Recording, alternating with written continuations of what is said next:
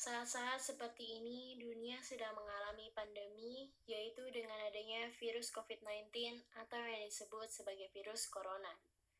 Dengan adanya pandemi ini memiliki banyak dampak bagi dunia, seperti semua kegiatan, semua pekerjaan, dan semua aktivitas menjadi terhambat. Hal ini terjadi karena persebaran virus ini terjadi melalui kontak fisik yang di mana kebanyakan dari masyarakat setiap harinya bercengkrama dengan orang banyak. Maka dari itu, pemerintah sendiri menerapkan aturan kepada masyarakat untuk menjaga jarak mereka dengan orang lain sejauh 2 meter. Hal ini dilakukan untuk sebagai antisipasi. Virus corona ini mulai terjadi di Wuhan yang dideteksi pada November 2019 lalu masuk ke Indonesia pada akhir Januari 2020. Yang saya kutip dari kompas.com. Selain itu juga, ada beberapa fakta yang dapat saya sampaikan. Terlihat dari jumlah penduduk Indonesia yang banyak, tak sedikit juga dari mereka yang sudah terkena dari dampak virus COVID-19 ini.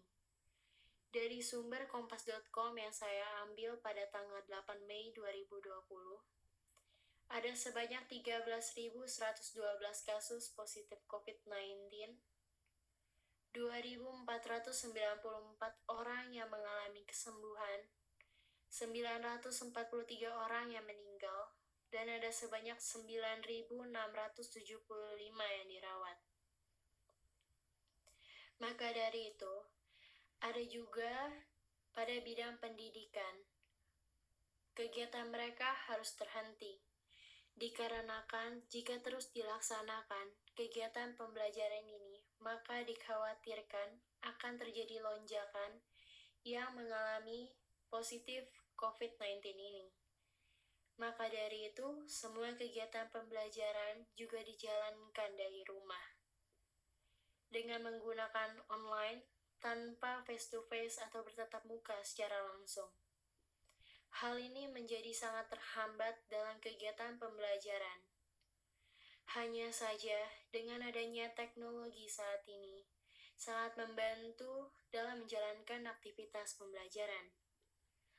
Lalu, ada juga pada bidang agama, yang di mana sudah dijelaskan oleh Presiden kita Jokowi, sejak ditetapkan social distancing, lalu berlanjut kepada PSBB, Hal ini sudah dijelaskan bahwa ada larangan untuk beribadah secara bersama-sama dalam rumah ibadah. Hal ini dilakukan untuk menjaga agar kita tidak berkumpul dalam satu ruangan yang dapat memicu terjadinya persebaran virus COVID-19 ini. Dan kita juga dapat menjalankan ibadah kita secara individu atau bersama anggota keluarga kita di rumah. Hal ini sebaiknya kita patuhi untuk memutus rantai persebaran virus COVID-19 ini. Hal ini dilakukan agar dunia kita kembali pulih seperti biasanya. Selanjutnya, dari sumber yang saya dapatkan, terdapat kutipan Jokowi yang mengatakan, Indonesia beruntung lantaran bukan lockdown atau karantina wilayah yang dipilih untuk memerangi corona ini.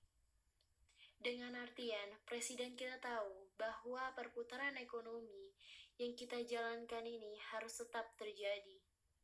Walaupun tidak dengan cara melakukan lockdown, Jokowi hanya memilih dengan cara PSBB atau pembatasan sosial berskala besar. Dengan adanya hal ini, masyarakat masih dapat beraktivitas meski terdapat perbatasan di beberapa hal. Lagi pula,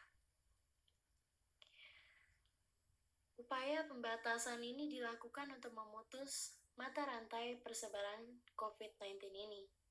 Walaupun dalam hal perekonomian, Indonesia juga masih terganggu. Hal ini harus tetap dijalankan untuk menghentikan persebaran virus ini.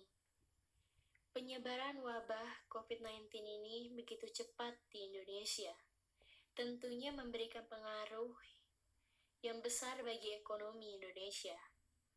Himbauan physical distancing, bekerja, belajar, serta beribadah di rumah, hingga pelarangan kegiatan yang menimbulkan kerumunan tentunya membuat roda ekonomi nyaris terhenti. Respon pemerintah dan masyarakat yang melakukan upaya pencegahan seperti penutupan sekolah, work from home, atau bekerja dari rumah, khususnya pekerja sektor formal, penundaan dan pembatalan berbagai event-event pemerintah dan swasta, membuat roda perputaran ekonomi menghambat. Apalagi negara yang menjadi tujuan utama ekspor Indonesia, seperti Amerika Serikat dan Uni Eropa, telah menjadi pusat pandemi yang telah melampaui kasus yang terjadi di Cina. Di sisi lain, sebagai akibat turunnya kegiatan ekonomi domestik, import khususnya bahan baku dan modal juga mengalami kontraksi dibandingkan tahun lalu.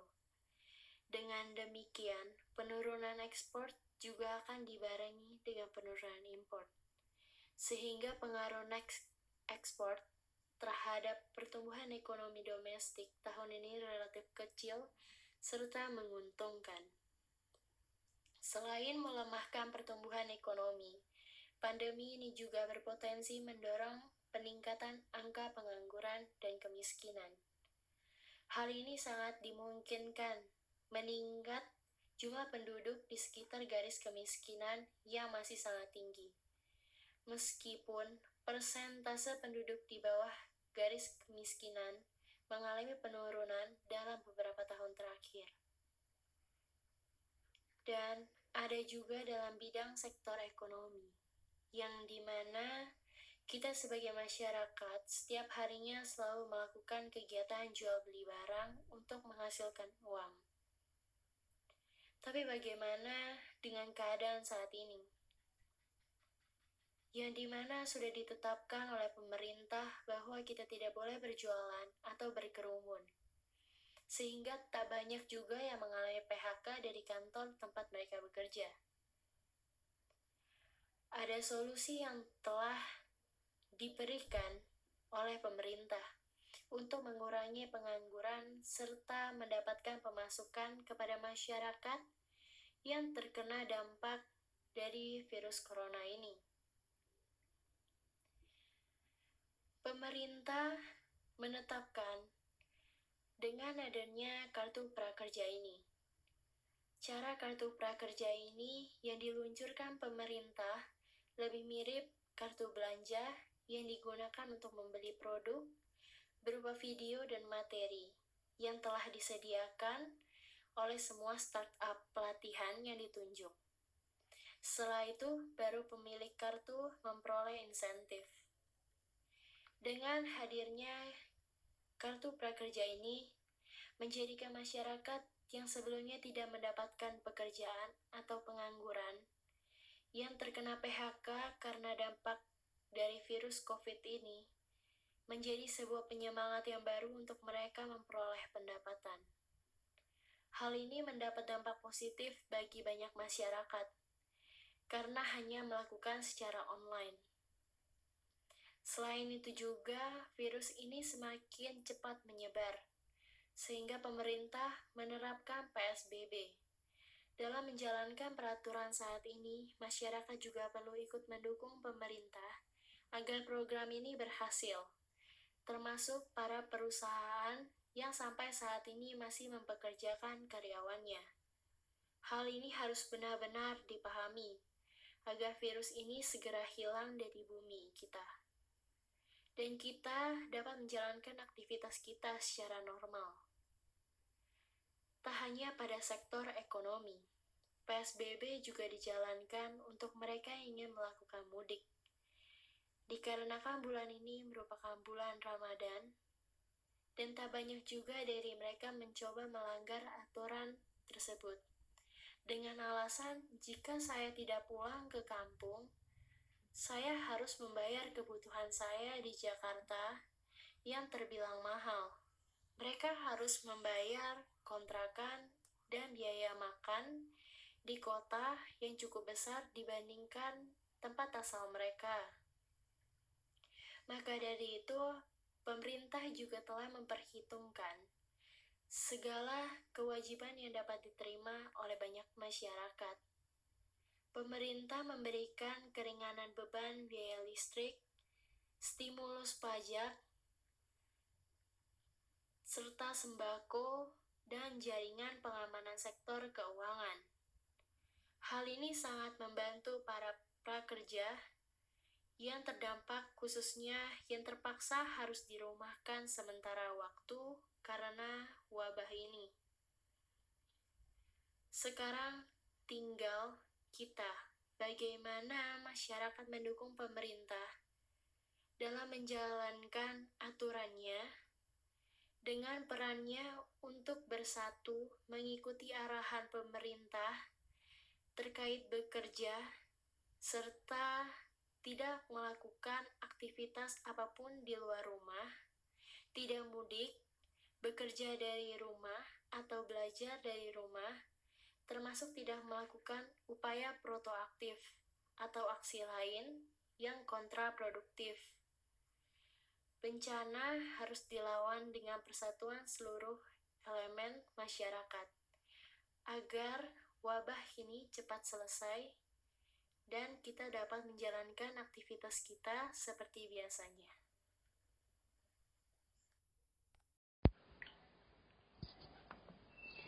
Nah, selanjutnya aku akan ngejelasin mengenai gejala-gejala virus corona. Teman-teman, ciri-ciri orang yang terpapar virus corona yang paling umum adalah demam, merasa kelelahan, dan batuk kering. Menurut Organisasi Kesehatan Dunia atau World Health Organization yang biasa disingkat dengan WHO, beberapa pasien mungkin mengalami sakit dan nyeri, hidung tersembat, pilek, sakit tenggorokan, dan diare. Gejala-gejala coronavirus ini biasanya ringan dan mulai secara bertahap. Beberapa orang yang terinfeksi bisa tidak mengembangkan gejala apa pun dan hanya merasa tidak enak badan. Kebanyakan orang atau sekitar 80% dari orang-orang dapat pulih dari penyakit ini tanpa perlu adanya perawatan khusus. Teman-teman, seperti yang kita Kalian harus tahu, coronavirus adalah keluarga besar virus yang menyebabkan penyakit mulai dari flu biasa hingga penyakit yang lebih parah, seperti Middle East Respiratory Syndrome atau yang disebut dengan virus MERS dan Severe Acute Respiratory Syndrome atau yang disebut dengan virus SARS.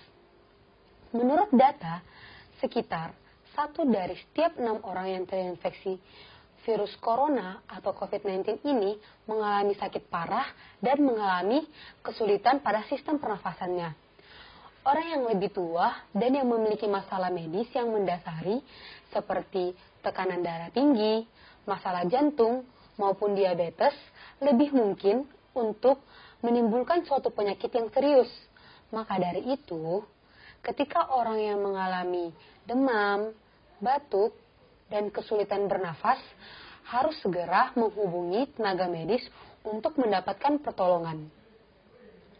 Namun, ada beberapa gejala coronavirus yang tidak biasa dialami oleh sejumlah kecil pasien.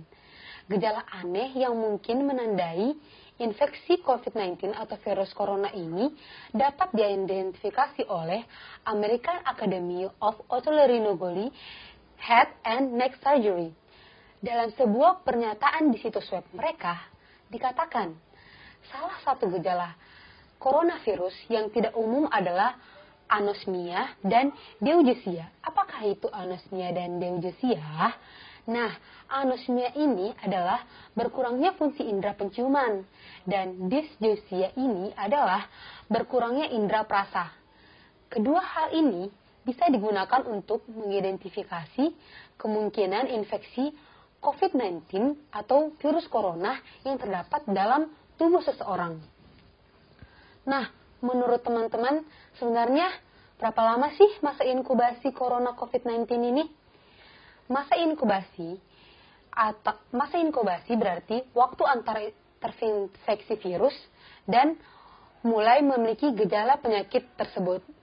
Sebagian besar perkiraan masa inkubasi untuk COVID-19 berkisar antara 1 sampai 14 hari lamanya. paling umum sekitar lima hari. Perkiraan ini akan diperbarui saat lebih banyak data yang tersedia.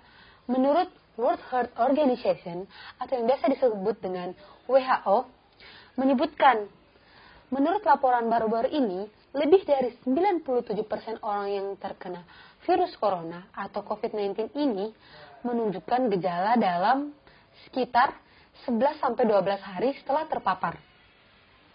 Masa inkubasi rata-rata tampaknya sekitar lima hari. Namun, perkiraan ini dapat saja berubah saat para ahli mempelajari lebih lanjut tentang virus corona ini. Bagi banyak orang, gejala COVID-19 atau virus corona ini dimulai sebagai gejala ringan dan secara bertahap dapat menjadi lebih buruk selama beberapa hari jika terkena virus tersebut. Gejala corona atau virus COVID-19 dari hari ke hari, menurut Business Insider melaporkan sebuah studi yang menganalisis gangguan kesehatan pada 140 pasien yang terkena COVID-19, penelitian ini mencatat 80% tergolong ke dalam kasus ringan dan 15% termasuk ke dalam kasus parah dan 5% lainnya termasuk ke dalam kasus yang kritis. Mayoritas atau 99% pasien itu mengalami demam tinggi lebih dari separuhnya mengalami kelelahan dan batuk kering. Sekitar sepertiga pasien juga mengalami nyeri otot dan sulit bernafas. Nah, berdasarkan hasil riset di Wuhan tersebut, perkembangan kemunculan gejala sakit COVID-19 yang tampak dari hari ke hari ketika terinfeksi virus corona akan semakin parah. Nah, teman-teman, Selanjutnya aku akan menjelaskan mengenai perkembangan virus corona dari hari ke hari.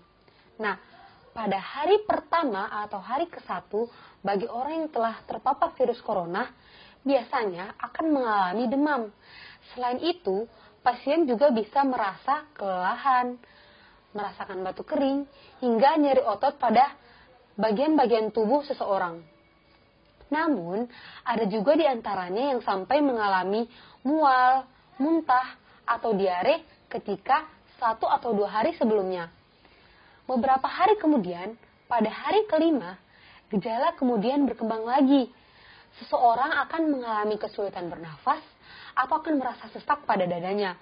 Hal ini bisa lebih parah terjadi pada orang yang telah memiliki usia lanjut atau yang kita sebut dengan lansia atau seseorang yang sudah memiliki riwayat penyakit berat sebelumnya, seperti yang aku katakan tadi, penyakit jantung, diabetes, asma, atau apa pun itu. Namun, teman-teman, rupanya gejala ini pun bisa berbeda pada sebagian orang. Menurut Lauren Ansel Meyers, seorang ahli epidemiologi di University of Texas, gejala-gejala COVID-19 atau virus corona ini bisa saja tidak muncul hingga hari kelima. Selanjutnya, pada hari ketujuh, pada beberapa kondisi, gejala bisa bertambah parah. Namun, menurut penelitian Universitas Wuhan, rata-rata pasien akan dirawat hingga hari ketujuh. Pada hari ke-8, bila tak kunjung sembuh hingga hari ketujuh, biasanya pasien dengan kasus yang parah bisa mengalami gangguan pernafasan yang akut. Kondisi ini terjadi pada sebanyak 15% pasien gangguan organ pernapasan yang terjadi bisa saja fatal, seperti ada cairan yang tertumpuk pada paru-paru pasien. Itu mengapa pasien bisa mengalami e, sesak yang sangat berat pada dadanya. Selanjutnya, pada hari ke-10, beberapa gejala yang masih bisa dialami ialah kehilangan nafsu makan hingga sakit perut khususnya pada pasien dengan kasus yang tidak ringan. Pas, lalu, pasien yang belum juga membaik pada tahap ini biasanya akan dilarikan ke ICU rumah sakit teman-teman. Namun, seseorang yang dirawat hingga tahap ini biasanya memiliki tingkat kematian yang masih kecil atau dapat dikatakan masih rendah. Pada minggu berikutnya, hari ke-17, sebagian besar pasien sudah dapat dirawat, yang sudah dirawat hingga hari ke-17 sudah sembuh rata-rata memang pasien yang sembuh pada hari ke-17 dan keluar dari rumah sakit sekitar 2 sampai setengah minggu kemudian. Teman-teman, gejala COVID-19 dapat mirip dengan penyakit pneumonia. Akan tetapi, ahli radiologi di Universitas Thomas Jefferson Paraslahani mengatakan bahwa kondisi pasien yang terjangkit COVID-19 dapat menjadi lebih buruk dari waktu ke waktu Seringkali virus corona atau COVID-19 ini juga disamakan dengan influenza. Namun, ternyata virus corona atau COVID-19 ini memiliki hal yang berbeda dengan virus influenza.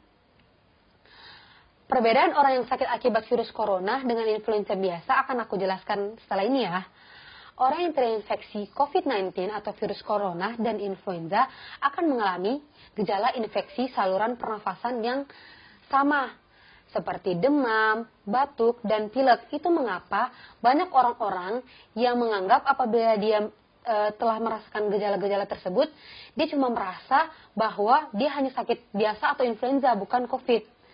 Meski gejalanya sama teman-teman, tetapi virus penyebabnya bisa berbeda. Kemiripan gejala tersebut membuat identifikasi virus corona tidak mudah dilakukan.